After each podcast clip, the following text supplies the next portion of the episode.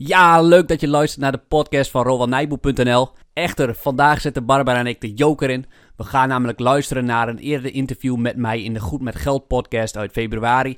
Volgende week zijn we zeker terug. Dan gaan we in op de intriges die komen kijken bij een aandeelhoudersvergadering. Wil je nog gebruik maken van de dikke early bird korting voor het membership waarin je in het traject van 9 maanden zelfstandig de beste aandelen leert selecteren? Schrijf je dan snel in op de website rowanijboe.nl slash membership. Het kan nog tot 20 april. Voor nu spelen we het interview uit de Goed met Geld podcast af. Dit is de Goed met Geld podcast, aflevering 56. Ik ben Bas van firetheboss.eu. En ik ben Arjan van stoppenvoormijn50ste.nl. En vandaag gaan we het hebben over beleggen in aandelen. Arjan en ik doen dat door middel van indexfondsen. We beleggen in indexen. Maar we hebben eigenlijk niet zoveel ervaring met het beleggen in losse aandelen en het selecteren van losse aandelen. Maar onze gast vandaag heeft dat wel. Hij is ondernemer. Hij heeft ook een eigen podcast. Hij geeft lezingen en trainingen. Maar bovenal, hij is professioneel belegger. En vandaag de gast in de Goed met Geld podcast is Roan. Welkom in de studio. Goedemorgen heren. Goedemorgen, Goedemorgen. Rowan. Ja, welkom. Eh, jij mailde ons van, hey, eh, leuk en aardig dat beleggen in trekkers. eh, maar ik heb nog heel veel meer ervaring en juist ook in het beleggen in aandelen zelf. Maar voordat we daarop ingaan, eh, kan je iets over jezelf vertellen? Jazeker, ik, ik met mijn eh, geweldige vriendin Barbara. En ik, en ik ben eh, belegger en eh, parttime docent. En ik ben al sinds, eh, sinds mijn vijftiende bezig met mijn grote passie beleggen. En ik deed dat eh, eerst via mijn vader, want ik vond dat heel fascinerend dat je op teletext, dat had je vroeger nog. Eh, dat heb je nu waarschijnlijk nog steeds, maar eh, ik vond het fascinerend dat die beurskoersen op en neer gingen. En dat je dus geld kon verdienen met eigenlijk niet je arbeid leveren. Want ik had ook een krantenwijk en dat, eh, dat was echt taai voor weinig geld. Maar op het begin deed ik maar wat en... eh, ik kon die koersen niet verklaren waarom dat op en neer ging. Dus ik had uiteindelijk op mijn eh, in 2007, 2008, want ik deed het via mijn vader, wat eigen geld gespaard. Net voor de financiële crisis. Eh, kocht ik bijvoorbeeld aandelen SNS Reaal. Nou, dat was, heb ik heel goed leergeld betaald. dat, dat, eh, dat triggerde wel heel erg mijn interesse van hoe kan dat nou? Dat, dat ik binnen een paar maanden de helft van mijn eh, geld kwijt ben met die aandelen. En, daar, en daarop mijn studie aangepast in de Groningen eh, Finance gestudeerd. En vooral heel veel boeken gelezen over beleggen. Eh, om, om daar maar zoveel, over, zoveel mogelijk over te weten. En eh, ja, gaandeweg frustreerde het me ook steeds meer dat, eh, dat vrienden niet beleggen. Eh, want ik denk dat beleggen, als je je houdt aan een paar vuistregels, eh, gigantisch mooie voordelen kan opleveren. Dat hebben jullie ook wel eh, besproken in eerdere afleveringen, zoals indexbeleggen. En ja, daarom wil ik mensen in het algemeen helpen met beleggen. Wauw. Ik, ik, er schieten echt weer van allerlei dingen door mijn hoofd. Ehm, het, het op teletext staan. Ik heb wel eens verhalen gehoord, inderdaad, dat het in de televisie was gebrand. Dat je de, de rode en de groene balken alweer in de televisie, als je hem uitzette, dat het er nog steeds in stond. Want eh, de- niet bij mijzelf, maar ik, ik heb die verhalen wel eens gehoord. Maar vanaf je vijftiende al beleggen. eh, volgens mij moet je officieel 18 zijn, dus ik snap dat je dat via je vader deed. Maar hoe, hoe begon je daar dan mee? Heb je gewoon gezegd van, nou, eh, doe maar een aandeeltje. Maar hoe, hoe begon je daar dan mee? Heb je gewoon gezegd van, nou, eh, doe maar een aandeeltje Ahold en ik zie wel? Of hoe, hoe ging dat dan?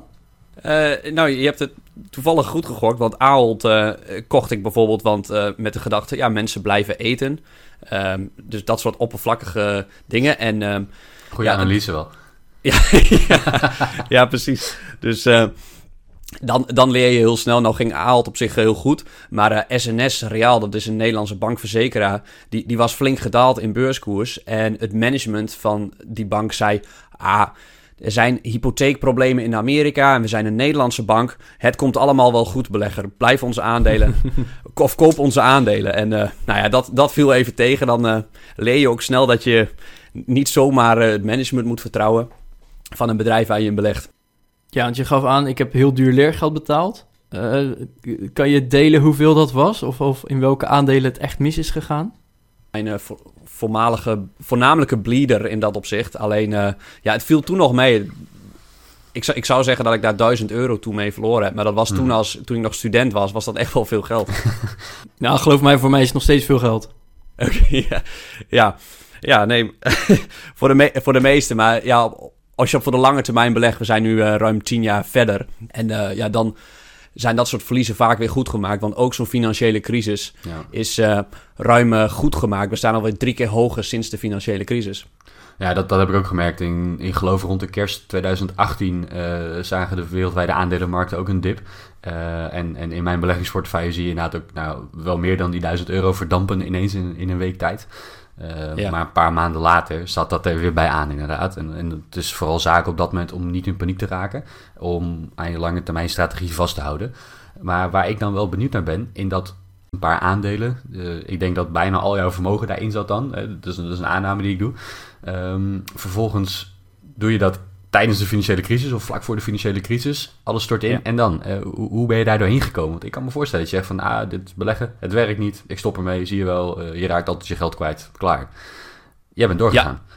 Ja, en, en, en dat is ook het grote gevaar. Eh, ik was me toen nog niet bewust van de psychologie van beleggen. Want wat je al heel goed zegt, in een, in een crisis als aandelen dalen, dan je eerste gevoel zegt, en dat komt misschien vanuit de van evolutietheorie voor. Vroeger was als, je, als er angst is, is het verstandig als er een leeuw aankomt om te vluchten. En met beleggen, als je angstig bent, dan wil je ook vluchten en je aandelen verkopen. Maar dat is niet verstandig. In een crisis, als het, als het bloed door de straten loopt, dan, eh, dan moet je juist kopen. En eh, ik heb dat in die crisis niet gedaan. Ik heb, ben gewoon blijven zitten. Ik heb Mhm. SNS wel verkocht, eh, wat op zich een goede zet was, want ze gingen failliet. Wat op zich een goede zet was, want ze gingen failliet. Maar, eh, maar eh, ja, dat, dat, dat was een hele goede les. Dus ik, ik wacht eigenlijk op de volgende crisis om dan, eh, om dan volledig eh, volle bakken al het geld aan het werk te zetten. Want ik ben nu maar voor 80% belegd. Nou ja. Ja, dat, dat vind ik ook altijd wel inderdaad fascinerend om, om, om naar zo'n strategie te kijken. En denk ik van, ja, wa- waarom heb je dan nu op dit moment niet al je geld belegd? Want ja, de volgende crisis kan nog wel een paar jaar duren. Dat, dat weten we natuurlijk niet. Zit daar een gedachte achter? Ja, je hebt precies gelijk. We weten niet wanneer de volgende crisis komt. Daarom wil ik altijd in ieder geval minimaal 80% belegd zijn. Omdat aandelen op de lange termijn eh, gemiddeld toch 7% per jaar doen. En alleen indexbeleggen dat dus al op kan leveren. Mhm. Maar, maar toch zijn aandelen op dit moment stevig gewaardeerd. Dus, eh, dus in die zin iets veiligheidsmarge eh, vind ik altijd goed. En ehm, ja, vandaar ook de, de luisteraars. Ik, ik raad nooit aan om, als, als ze nu willen beginnen met beleggen, om nooit volle bak te gaan, maar periodiek aankopen te doen en gaandeweg een portefeuille. Mhm. Ja, dat is denk ik psychologisch inderdaad wat makkelijker dan nu in één keer al je geld in, eh, in, in beleggingen, in aandelen te stoppen. Maar, maar goed joh, ehm, en, en als we het dan hebben over die, die 80% die je belegt, beleg jij nog steeds in losse aandelen zoals je dat destijds tien jaar geleden deed? Ehm, wat, wat is je strategie op dit moment? Ja, ik, ik beleg volledig in losse aandelen. Ehm indexbeleggen, waar, waar jullie veel over verteld hebben, dat levert dus op de lange termijn 7% gemiddeld per jaar op. Ehm, maar ik denk als je, als je daar een systeem omheen bouwt en dat verstandig doet, dat je die index kan verslaan. En dat is best lastig, maar eh, ja, ik, heb mijn 10.000 uur op dat gebied gemaakt en, eh, ja, en, en tot nu toe gaat dat heel goed. Ja, want eh, laten we het heel even teruggaan naar de basics. Want wij zijn de Goed met Geld podcast. Dus als je nu voor het eerst naar ons luistert, dan kan het opeens over beleggen gaan. En help, waar moet ik aan beginnen? Ja. beleggen in aandelen. Eh, eh, wat, eh, wat, wat is nou, als ik een aandeel koop, wat koop ik nou eigenlijk? Laten we daar even mee beginnen. Ja, je koopt een, een eigendomsbewijs in een onderneming. En ik, ik, ik noem altijd de bakker op de hoek. Die is elke dag druk bezig om lekkere broodjes te bakken en zoveel mogelijk winst te maken. Als hij het heel goed doet, dan is die bakkerij meer waard. En, en zo is het eh, niks anders dan bij een aandeel Apple. Als jij een aandeel Apple koopt en Apple doet het goed, dan profiteer jij als aandeelhouder. Dus hè, wat er eigenlijk gebeurt is, eh, bijvoorbeeld die bakkerij die geeft duizend aandelen uit. En dat is dus eigenlijk dat, nou, die bakker wordt, of de bakkerij wordt eigenlijk opgesplitst in duizend stukjes qua eigendom. En op het moment dat jij één aandeel koopt, koop je eigenlijk één duizendste van die bakkerij. En nou, als de bakkerij dus 1000 euro meer waard wordt, dan krijg jij daar één duizendste van in waarde. Of hè, jouw aandeel wordt dus eigenlijk een euro meer waard. Nou, dat, nou, ga maar even naar Apple kijken. Ik weet niet eens hoeveel aandelen ze hebben, maar eh, ik, ik geloof dat ik 1 miljardste aandeel van Apple kan kopen. En, en dat is dus eigenlijk de hele aandelenmarkt. Eigenlijk koop je alleen maar stukjes van bedrijven en eh, ja, je koopt niet direct stemrecht. Je koopt eigenlijk alleen maar een, een financieel stukje van zo'n bedrijf. Je hebt ook nog ander type aandelen dat je ook echt stemrecht koopt. Eh, op het moment dat je meer dan een x procent van de aandelen hebt, dan krijg je ook weer stemrecht en nou, al dat soort dingen zitten eromheen. Maar in principe op de beurs handel je eigenlijk alleen maar in het financiële aandeel van zo'n bedrijf. Ja, en Rowan, hoe, hoe begin jij dan? Want eh, ik, ik, ja, Bas en ik die, die beleggen in trekkers. En dat zijn grote mandjes met aandelen eigenlijk. Een hele verzamelingen aandelen in één keer. Uh, ik vind het al lastig om zo'n zo'n trekker te selecteren. Van welke moet ik nou hebben? Hoe begin je eigenlijk met het selecteren van... Oké, nou, in, in die bakkerij of... Ja, eigenlijk met het selecteren van... Oké, nou, in, in die bakkerij of hè, die supermarkt... Die vind ik goed genoeg om te zeggen... Nou, ik, ik koop daar een aandeel van, want ik verwacht dat zij genoeg winst gaan maken. Of ik denk dat zij meer waard gaan worden, waardoor ik dus ook meer ga verdienen. Ja, dat, dat begint door uh, op de eerste plaats goed om je heen te kijken. Um, ik, ik hou bijvoorbeeld helemaal niet uh, van winkelen, maar mijn vriendin uh, vindt dat hartstikke leuk. Alleen dan door om je heen te kijken, vind je daar van allerlei interessante dingen. Als je bijvoorbeeld bij de H&M naar buiten loopt, zonder je kleding af te rekenen. Dan gaat er zo'n alarm af. En die poortjes, van wie zijn die nou? Dat blijkt van een Nederlands bedrijf hier in Groenlo te zijn. En dan ga je verder op onderzoek uit. En uh, ja, ook als je bijvoorbeeld op de wc uh, staat, dan is 50% van alle toiletten wat daarachter zit, is van Geberit. Ja, dat merk je wat je altijd ziet zitten inderdaad op elke spoelknop en uh, op elk fonteintje wat er, wat er opgehangen is. Ja, en, en, en, dan, ja en, en dan denk ik van, hoe kan het dat die zoveel vaker in toiletten zitten dan concurrenten? En dan ga je dat hun bedrijf bestuderen, het bedrijfsmodel, en dan blijkt je dat ze toch wel geniale dingen doen. En op dat moment zeg, ga, je, ga je zoeken van, hé, hey, kan ik daar een aandeel van kopen? Ja, ja, want lang niet alle bedrijven zijn beursgenoteerd. Nee, inderdaad, hè, want dat, dat is ook nog een keuze. Een, een, bedrijf kan zich opsplitsen in aandelen, maar dan is er ook nog eens de keuze om het wel of niet publiek te laten verhandelen. Uh, maar goed, uh, oké, okay. stel uh, jij, loopt door de supermarkt en je denkt, hé, hey, Ahold van Albert Heijn en, en nog een aantal grote merken. Je denkt van, nou, iedereen blijft toch wel boodschappen doen, dus ik ga naar de beurs, zoek Ahold en hup, kopen maar. Gaat dat zo of zitten er nog wat stappen tussen? Uh, ja, er, zitten nog wel wat stappen tussen. Ik, ik, heb heel erg een, een beleggingsfilosofie. De, dat, dat noem ik de vier traps raket. Ja, die, die bestaat uit uh, logischerwijs vier trappen. Uh, begrijpen waar je in belegt. Dus ik moet het best hoe verdient het bedrijf zijn geld. Dus, dus daar moet je zicht op krijgen. En daarna de competitieve positie. Competitieve positie. Hoe sterk is een bedrijf? En uh, bij mijn trainingen vraag ik bijvoorbeeld, je, je noemt net Apple. Bij mijn trainingen vraag ik wel eens van, wie heeft er een iPhone? Nou, dan gaan de helft van de handen omhoog. En dan vraag ik, wie van jullie koopt bij het volgende toestel weer een iPhone? Dat is vrijwel iedereen. Hmm. En ja, dan heb je te maken met een sterk bedrijf dat zich kan onderscheiden van concurrenten. En dat op die manier op de lange termijn veel, winst, veel langer winstgevender kan blijven. Hmm. Want als je geen sterk bedrijf hebt, dat betekent dat concurrenten het makkelijk kunnen kopiëren. En in ons kapitalistisch systeem is, is in die zin bikkelhard uh, dat, dat winstmarges dan als sneeuw voor de zon verdwijnen. Ja, dus, dus jij gaat wel echt op zoek naar bedrijven die, uh, die een competitief voordeel hebben, eh, omdat ze een sterke marktpositie hebben of omdat ze een, een beter product hebben. Um, maar hoe, hoeveel, hoeveel tijd steek jij in het onderzoek dat je doet naar 100 uur per week kan gaan zoeken naar één aandeel, om, om één aandeel aan het werk te zetten voor je, terwijl je misschien wel in, nou, weet ik veel, in, in 20, 50, 100 verschillende aandelen belegd bent. Hoe, hoe, hoe doe je dat? Hoe pak je dat dan aan? Nou, ik, ik, mijn vuistregel is wel dat ik er 100 uur onderzoek minimaal in moet stoppen voordat ik een aandeel koop. Per bedrijf? Ja, ja maar ik, ik, ik heb er vaak maar uh, 10 gemiddeld. Dus in die zin uh, valt dat mee. Dus, uh, ik heb niet 50 verschillende aandelen, want ik geloof niet in zoveel spreiding, omdat ik dan niet mij goed kan focussen op de aandelen die ik heb. Mm -hmm. um, maar het kopen van een aandeel is, is voor mij altijd wel een heel traject. Dat gaat soms, uh, gaat soms een paar jaar overheen, of een oh, paar ja. maanden. Wow, ja. Dus, dus ik, ik blijf dat bedrijf volgen. Ik, uh, ik, ik ga het management vragen stellen van het bedrijf. En uh, ja, ik, ik moet echt een feeling met het bedrijf krijgen. Mm. Dus daar gaat echt uh, daar gaat serieus veel tijd overheen. Um, en, je noemde net van, ik, ik ben op zoek naar bedrijven die heel zichtbaar zijn. En daar gaat serieus veel tijd overheen. Um, en, je noemde net van, ik, ik ben op zoek naar bedrijven die heel zichtbaar zijn. En, en noem even de producent van allerlei onderdelen van toiletten als je in, in openbare gelegenheden bent. Die gasten zie je inderdaad overal, dus die, ze hebben een hele goede marktpositie. Uh, je noemde Apple met de, met de positie van nou, de helft van alle mensen die ik tegenkom heeft een iPhone en geeft ook aan, ik wil de volgende iPhone ook weer kopen. Um, zijn er daarnaast nog meer aspecten waar je naar kijkt? Ja, heel belangrijk, zoals ik net noemde, het management van het bedrijf.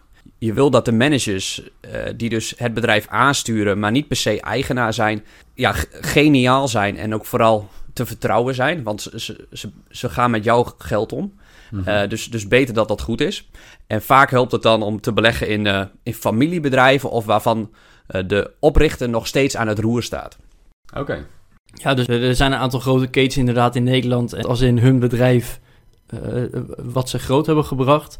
En daarvan zeg jij dus eigenlijk van nou, die, die bedrijven die zijn over het algemeen wat sterker. Omdat de eigenaar daarachter of het management daarachter eh, er meer voor over heeft om dat draaiende te houden en, en winstgevend te houden. Ja, e- exact. Het, is het levenswerk van, van die oprichter. En eh, die wil wat al, alles, zijn, zijn kindje beschermen en dat laten groeien. En eh, ja, dan zul je het gemiddeld een stuk beter doen.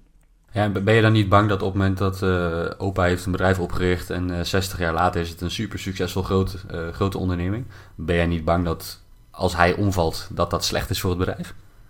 Ja, dat, dat is altijd een gevaar. De, de volgende generatie of, of de derde generatie zelf, dat dat dan minder gaat omdat die wat verveeld zijn en niet meer die drive hebben. Mhm. Dus, dus het is een oprichter zelf die nu nog aan het roer staat. Ja, dat heeft sterk mijn voorkeur. Ja, ja, ja. Oké, en informatie vandaan, want je, geeft zelf aan per aandeel ben ik nou, toch zeker wel 100 uur bezig.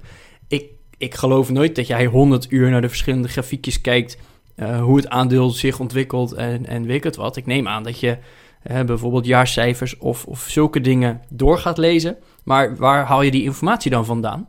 Ja, jaarverslagen bestudeer ik inderdaad. Dat, dat neemt veel tijd in beslag, want dat is hoe het bedrijf echt moet rapporteren. En niet alleen kan zeggen hoe ze ervoor staan in, in de media, want dat is altijd vaak een goed nieuwsshow. Maar in de jaarcijfers. En dan het beste is om het jaarverslag van achter eh, naar voren te lezen, omdat achterin, eh, daar staan de wat minder leuke dingen. En, eh, maar maar die, ik kijk ze ook van vijf jaar terug. Bijvoorbeeld, wat heeft het management vijf jaar geleden geroepen? En hebben ze dat nu waargemaakt? Of, of komen ze nu met smoesjes aan? Oh, dat vind ik wel heel interessant inderdaad. Want eh, dat, tenminste, als ik even terugkijk naar mijn crowdfunding, dan heb je inderdaad ook dat een bedrijf een, een tweede funding aanvraagt. En dan wil ik inderdaad ook nog wel eens even terug gaan kijken van oké, hoe was de eerste funding en wat waren de vooruitzichten, waren de vooruitzichten en hebben ze die dus ook uiteindelijk waar kunnen maken. Dus dat, dat vind ik wel grappig om dat, eh, om dat terug te horen. Oké, en eh, dus de jaarcijfers en je zegt ik, ik mail ook gerust even het management of zo. Ja. Kom je daar zomaar in mee in contact of hoe, hoe pak jij dat aan? Want daar ben ik wel heel benieuwd naar. Ja, ik, ik, ik heb bijvoorbeeld aandelen Facebook. Eh, het is best wel lastig om Mark Zuckerberg even aan de telefoon te krijgen. Dus, dus daar heb ik geen, eh, geen illusie mee. Ik, ik, Nee. ik, vind, ik vind dat niet fenomenaal. Maar ik heb een aantal aandelen in Nederlandse bedrijven. Dan ga ik wel eens naar de aandeelhoudersvergadering. En eh, omdat ik bij een aantal lange termijn aandeelhouder ben, ja, dan willen ze ook wel met mij spreken. Want ik ben niet iemand die de aandelen koopt en twee maanden later met 10% winst weer verkoopt, zeg maar. Ik ben in die zin wel een loyale aandeelhouder. En daar nemen ze wel de tijd voor. Ja, dus eh, eh, hè, jouw, jouw strategie is dus echt eh, best wel een, een buy-and-hold strategie. Waardoor je eigenlijk aangeeft van, nou oké, ik koop iets en ik hou het voor langere tijd aan. En niet op, op het moment dat ik 10% winst kan, kan pakken na, na of twee, dan verkoop ik het meteen. Ja, nee, die fout heb ik in het verleden wel gemaakt. Want het is natuurlijk, lijkt heel aantrekkelijk als het 10% stijgt om dan je winst te realiseren. Maar eh, dat zijn wel wijze lessen. Want als je nu naar sommige beurskoersen kijkt van die bedrijven waar ik dat heel lang geleden heb gedaan. Ja, dan eh, daar durf ik niet eens naar te kijken, zeg maar. Ja. Hoe, hoe lang hou jij aandelen gemiddeld aan dan? Want je zegt dat het wel voor de langere termijn, is dat dan eh, een jaar of, of jaren? Tot, waar kijken we naar? Nou, gemiddeld zit ik nu op drie tot vier jaar. Oké. En, en wat is dan een reden om na drie tot vier jaar een aandeel weer te verkopen? Heeft dat dan met, eh, met, met de stijging van de koers te maken? Of met een, een, jouw eigen strategie die misschien verandert? Hoe, hoe, hoe maak je zo'n beslissing? Ja, er zijn een aantal redenen om te verkopen. Eén is een hele sterke overwaardering. Mhm. Eh, zeg maar als je, als je voor een Tesla de auto een miljoen moet betalen, ja, dan ga je hem verkopen. En een andere reden is dat ik een fout heb gemaakt in mijn analyse, dan, eh, dan stap ik ook gelijk uit. Of dat de competitieve positie door eh, een concurrent bijvoorbeeld heel erg wordt aangehaald, dat verkeerd voorspeld heb. Dat kan ook een eh, reden zijn. En, en jouw rendement, hè? kijk je daarin puur naar de, de lange termijn groei van een aandeel? Of, of baseer je bijvoorbeeld op de dividenden die aandelen betalen, die de bedrijven betalen? Ja, in principe baseer ik me op de onderliggende groei in de kaststromen op de lange termijn. Dus als een bedrijf continu blijft groeien, dan als het goed is nemen de winsten en de kaststromen ook toe. En eh, op de korte termijn kan de beurskoers enorm fluctueren. Mhm. Maar op de lange termijn stijgt de beurskoers vrijwel exact met die winst en die kaststromen mee. Ja, Dus zolang die goed zijn, die winst en die kaststromen, eh, blijf ik aandeelhouder. oké. hey, en eh brutale vraag. Wat heeft het nou opgeleverd afgelopen jaar? 2019, dat was eh 30,2 procent. 30,2 procent. Ja. Wauw. Ja. Ik zal gaan even kijken wat ik heb gedaan in 2019. ik ben wel benieuwd nu. ja, maar de indexfondsen hebben het ook eh, heel goed gedaan. En eh, in die zin, 2019 is, is, is een heel abnormaal jaar eh, weer te krijgen. Nee, ik, ik, ik geloof uit mijn hoofd gezegd dat ik in een half jaar tijd ook 10% heb gepakt. Dus dat eh, op, op index beleggen. Nou ja. Dus dat, dat, het is echt een gigantisch gek jaar geweest. Maar oké, laten, we, laten we het dan iets breder trekken. Want eh, de afgelopen vijf jaar gemiddeld, of wat, wat kan, je, kan je daar wat, wat inzicht in geven? Ja, mijn track record is over de afgelopen 9 jaar eh 15,6 procent gemiddeld per jaar. Zo, Oké. dat is heel Nou, netjes. en dat, dat is denk ik iets boven wat, eh wat de beurzen in het totaal hebben gedaan. Ja, ter vergelijking, de AX heeft ongeveer eh 10 procent eh, per jaar gedaan in die periode. Dus ook heel goed. In de afgelopen vijf jaar, ja.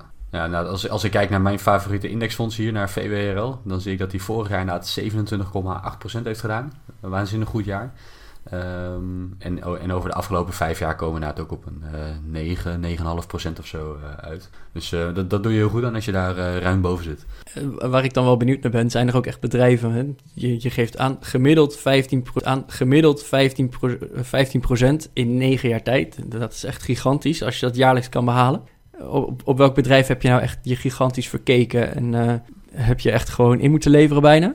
Drie van de tien aandelen gaan vaak niet zoals ik eh, verwacht. Eh, daar zitten dan een aantal verliezers bij. Ik heb eh, recent bijvoorbeeld Zoo Plus met verlies.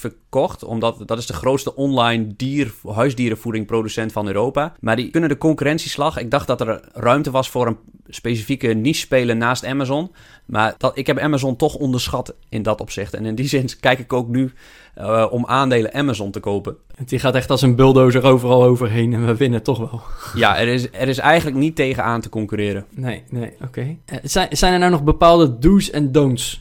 Een, een, een, een top 3 do's en een top 3 don'ts eh, als je gaat eh, beleggen in losse aandelen? Een do is dat je spreidt, niet eh, één of twee aandelen, maar ik, ik zou in ieder geval, of twee aandelen, maar ik, ik zou in ieder geval, zeker voor de beginnende belegger, een individuele aandelen minimaal 10. Mhm. En ja, beleg alleen in wat je begrijpt.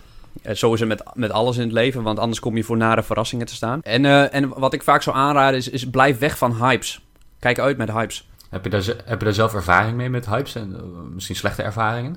Ja, nee, nee, nee, het valt wel mee. Maar to- toen in de tijd van de bitcoin, dat het heel populair was. Ik, ik geef ook parttime les. En er kwamen altijd, elke les na de les, wat, wat, wat studenten bij me van... eh, kijk eh, meneer, ik heb weer heel veel geld verdiend. Mhm. En vaak ook als, als er zo'n feest ontstaat, dat het heel populair wordt... dan ont- ontstaat de FOMO, Fear of Missing Out. Iedereen wil meedoen. En vaak blijkt dat niet goed. Want dan ga je losstaan van wat het product is. Je bent alleen maar gedreven door hebzucht. En dat is heel gevaarlijk. Ja, ja, ja. Ja, want dan kan je inderdaad wel een, een, een ton verdienen aan bitcoin. En drie dagen later is je ton weer verdampt. En dan eh, moet je huilen omdat, het, eh, omdat je niet verkocht hebt. Dus dan Ja. eh, was het van, ik kon een Tesla kopen en nu kan ik kon een Tesla kopen en nu kan ik geen Tesla meer kopen. Nou ja, over, over Tesla en hypes gesproken. eh, een, een aantal jaren geleden eh, dacht ik, al, ik, ben een in- indexbelegger, maar ik dacht laat ik eens een paar aandelen, te- aandelen Tesla, Tesla kopen. Volgens mij kocht ik inderdaad voor iets van 1000 euro of zo, een paar aandelen Tesla. Van, Wow. die, die gasten zijn goed bezig. En op een gegeven moment waren ze niet zo heel goed bezig. En dacht ik, weet je wat, dit is de moeite niet waard. En ik heb ze verkocht. Ik geloof met 50 euro, 100 euro verlies. Ik had zoiets, oké, nou weet je wat, laat me zitten. Ik heb eigenlijk ook helemaal geen zin om dit allemaal te gaan volgen. Die 1000 euro, die heb ik weer in mijn indexfonds gestopt. Maar als ik nu terugkijk, hebben ze het toch best wel goed gedaan. Ze hebben hun beloftes redelijk kunnen waarmaken qua, eh, qua productie, qua eh, verkoopcijfers. En daarmee doen zij het heel goed. Ehm, dat, dat is wat ik het allermoeilijkste vind als ik, als ik kijk naar losse aandelen. Ja, ik zou best daar wel wat mee willen doen. Aan de andere kant, ik heb er helemaal niet de tijd voor. En nou ja, goed, in het verleden gezien, eh, ik maak misschien ook niet de beste beslissingen. En ja, op het moment dat je dan zeker in zo'n hype zit, hè, Tesla was op dat weer het gewoon. Wat, nou, ik zie het als wat speelgeld, als wat leergeld misschien. En, en op een gegeven moment dan, dan neemt die hype wat af. En Toen dacht ik, nou oké, laat me zitten. Je verkoopt met verlies. Terwijl aan de andere kant, als ik een gedegen analyse had gedaan, had ik misschien wel gezegd van, nou, misschien moet ik ze aanhouden. Want er zit groeipotentie in. Dat, dat vind ik wel lastig. Jij noemde de hypes. Hoe spot jij zo'n hype? Hoe, hoe had jij voorkomen dat je eh, op dat moment in Tesla had eh, eh, belegd en dat met verlies had moeten verkopen? Hoe, hoe, hoe, hoe, ga je daarmee om? Hoe, hoe, hoe koppel je je emotie misschien los van de beslissing die je neemt? Hè? Dat, dat is misschien eigenlijk wel waar het, waar het dan om draait. Ja, ja, dat is natuurlijk heel lastig, want ehm, ik, ik, ik vier altijd kerst bij mijn opa en oma. En eh, een oom eh, die, die raadt al een paar jaar aan om aandelen ASML te kopen. Nederlandse trots. En ik zie elk jaar weer tegen kerst op, want hij heeft elk jaar weer gelijk gekregen. En dan is het psychologisch heel lastig om die, zoals jij zegt, die emotie los te koppelen van... Ja, moet ik nu ook op die boot springen of, of, of moet ik toch mijn eigen strategie volgen? Mhm. En eh, ja, ik heb, ik heb geleerd, ook, denk, geleerd ook, denk ik, in het verleden door wel naar anderen te luisteren. En nu vooral mijn eigen visie te volgen. En dan mis je inderdaad soms een aandeel als Tesla. Maar gemiddeld, als je, als je belegt en je houdt je aan die vier trapsraket, dan, dan zul je het goed doen. Ja, precies. Dus je, je, je wil je echt gewoon door de feiten laten leiden en niet eh, iedereen praat erover, het zal wel goed zijn. Eh, je, Ja. je kijkt echt naar de feiten daar. Ja, ja en, ik, en ik beleg ook vrijwel alleen in bedrijven die al extreem winstgevend zijn. Dus die niet, eh, zoals Tesla, zich nog moesten bewijzen. Mhm. Ehm, het risico, je, je mist dan af en toe een Tesla, maar voor één Tesla gaan er misschien ook eh 99 anderen die het niet waarmaken. En Ja. ja. in die zin beleg in gevestigde bedrijven, dat helpt een boel. Ja, je, je voorkomt daarmee dat je te veel risico neemt en, en daarmee dus eh, ja, minder verliezen hoeft te pakken. Ja, ja exact. precies. Ja, ja. ja, dat is denk ik wel heel slim. En zeker op het moment dat je, eh, als je zegt van ik beleg in individuele aandelen, dat zijn er misschien 10, 15 of 20. Dan is het risico natuurlijk op het moment dat zo'n bedrijf failliet gaat en je bent meteen 10% van je 10 of 20.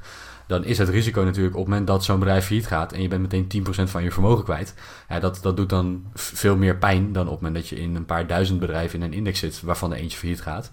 Dus ik kan me inderdaad wel voorstellen dat je daar voorzichtiger mee, eh, mee bent. Ja, je wil, je, het eerste doel is het behoud van vermogen. En pas dan komt eh, een stijging van het vermogen, of groei van het vermogen. Precies, ja, ja slim. Oké, en eh Rowan, jij geeft ook trainingen en je geeft ook cursussen over beleggen en, en over het, het selecteren van zo'n aandeel. En nou, we, hebben er nu al bijna een half uur over gesproken. Dan ben ik wel heel benieuwd, wat, wat komt er nou in jouw cursus nog voorbij? Hè? Want je hebt twee soorten cursussen. Je hebt eh, een, een cursus voor beginners en een cursus voor de wat gevorderde belegger al.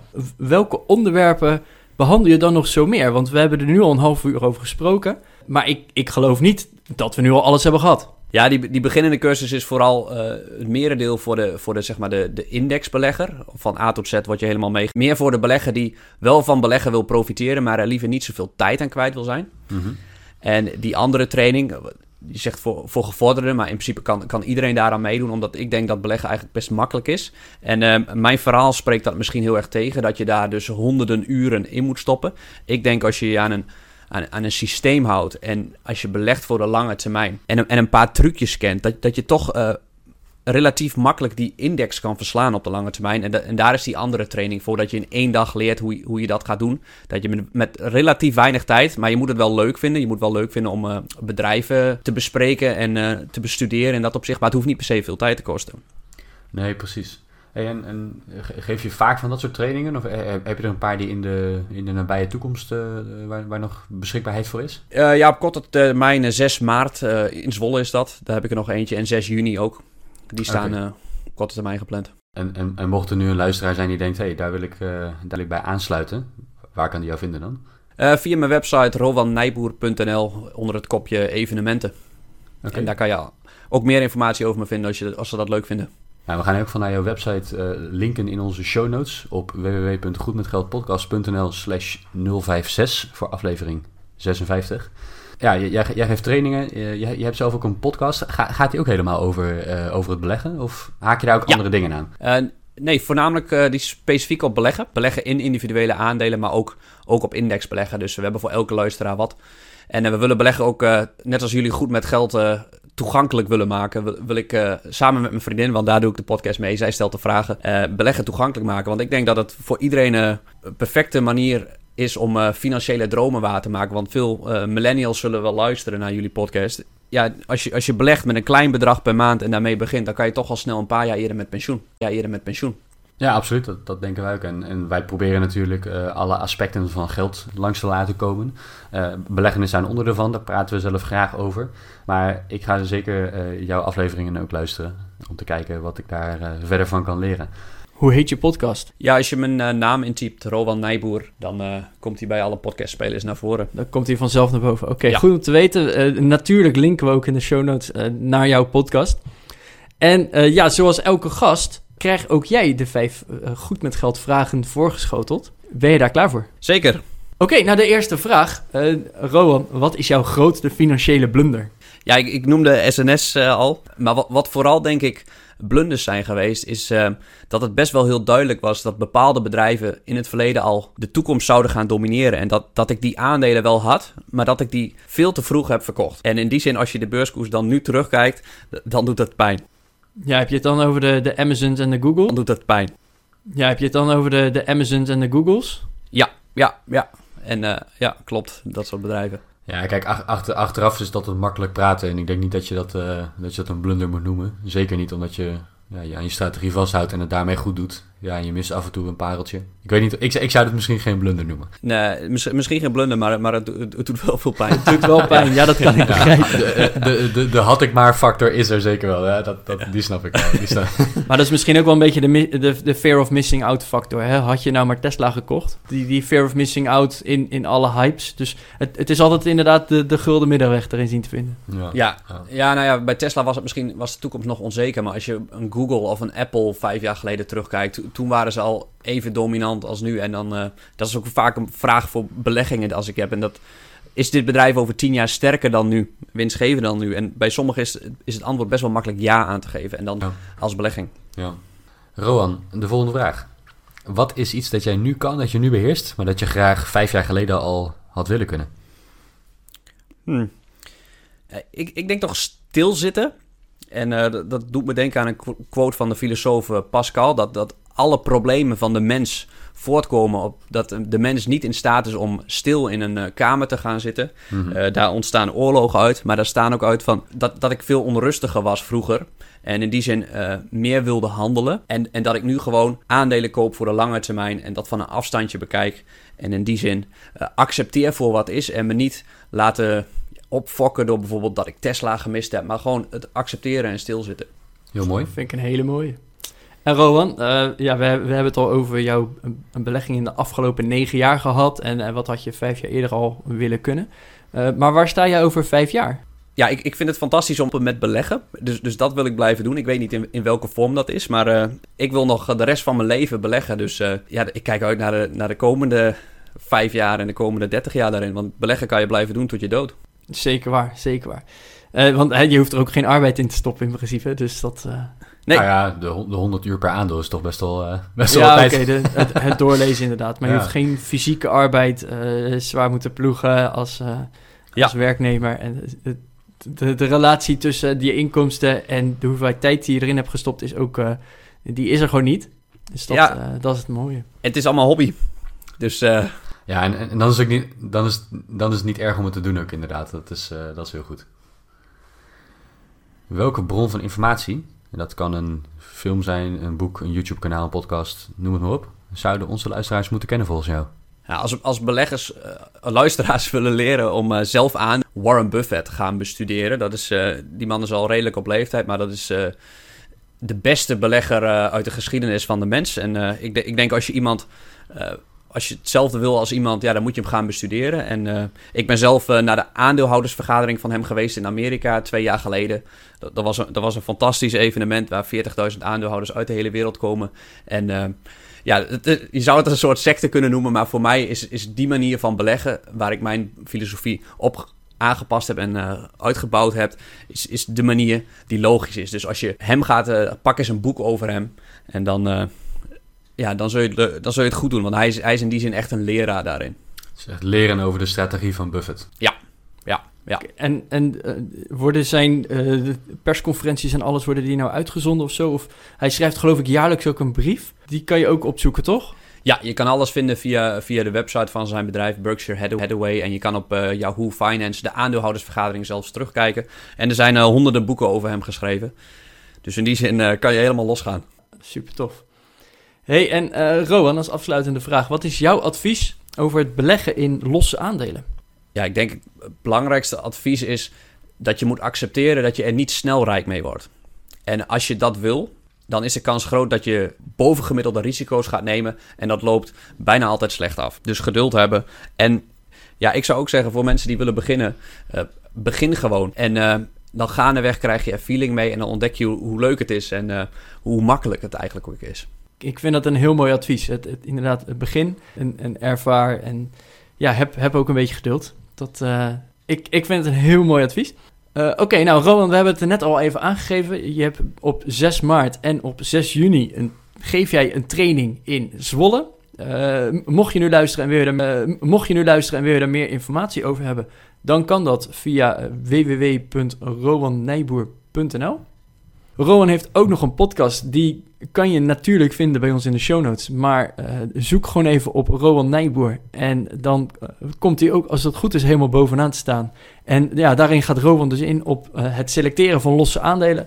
Ik heb even je lijst doorgescrolld. Volgens mij ga je ook echt in op, op echt bedrijven. Van hey, wat, wat is dat bedrijf nou? En uh, hoe kun je nu echt uh, beslissen of je daar wel of niet moet investeren? Dat klopt, hè, Rowan? Ja, er komen van allerlei mogelijke aandelentips uh, langs, zodat, jij, zodat een luisteraar niet al het onderzoek zelf hoeft te doen in dat opzicht. Ja, super vet. Rowan, ik wil je hartelijk bedanken voor jouw input vandaag en, en alle uitleg die je aan ons hebt gegeven. Ik ga denk ik toch ook maar eens een keer wat, wat inlezen in sommige bedrijven.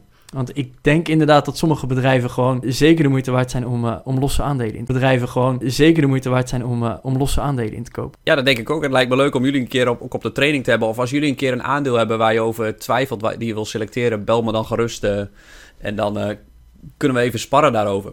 Ja, super vet. Ontzettend bedankt Roman voor al jouw informatie en, ja, en lessen die je vandaag hebt gegeven. ik denk dat we onze luisteraar ja, heel veel waarde hebben gegeven, heel veel kennis hebben kunnen overbrengen. Ja, als je meer wil weten, check de podcast van Rowan. En als je meer wil weten over geld, check onze podcast volgende week weer. Tot volgende week. Tot volgende week.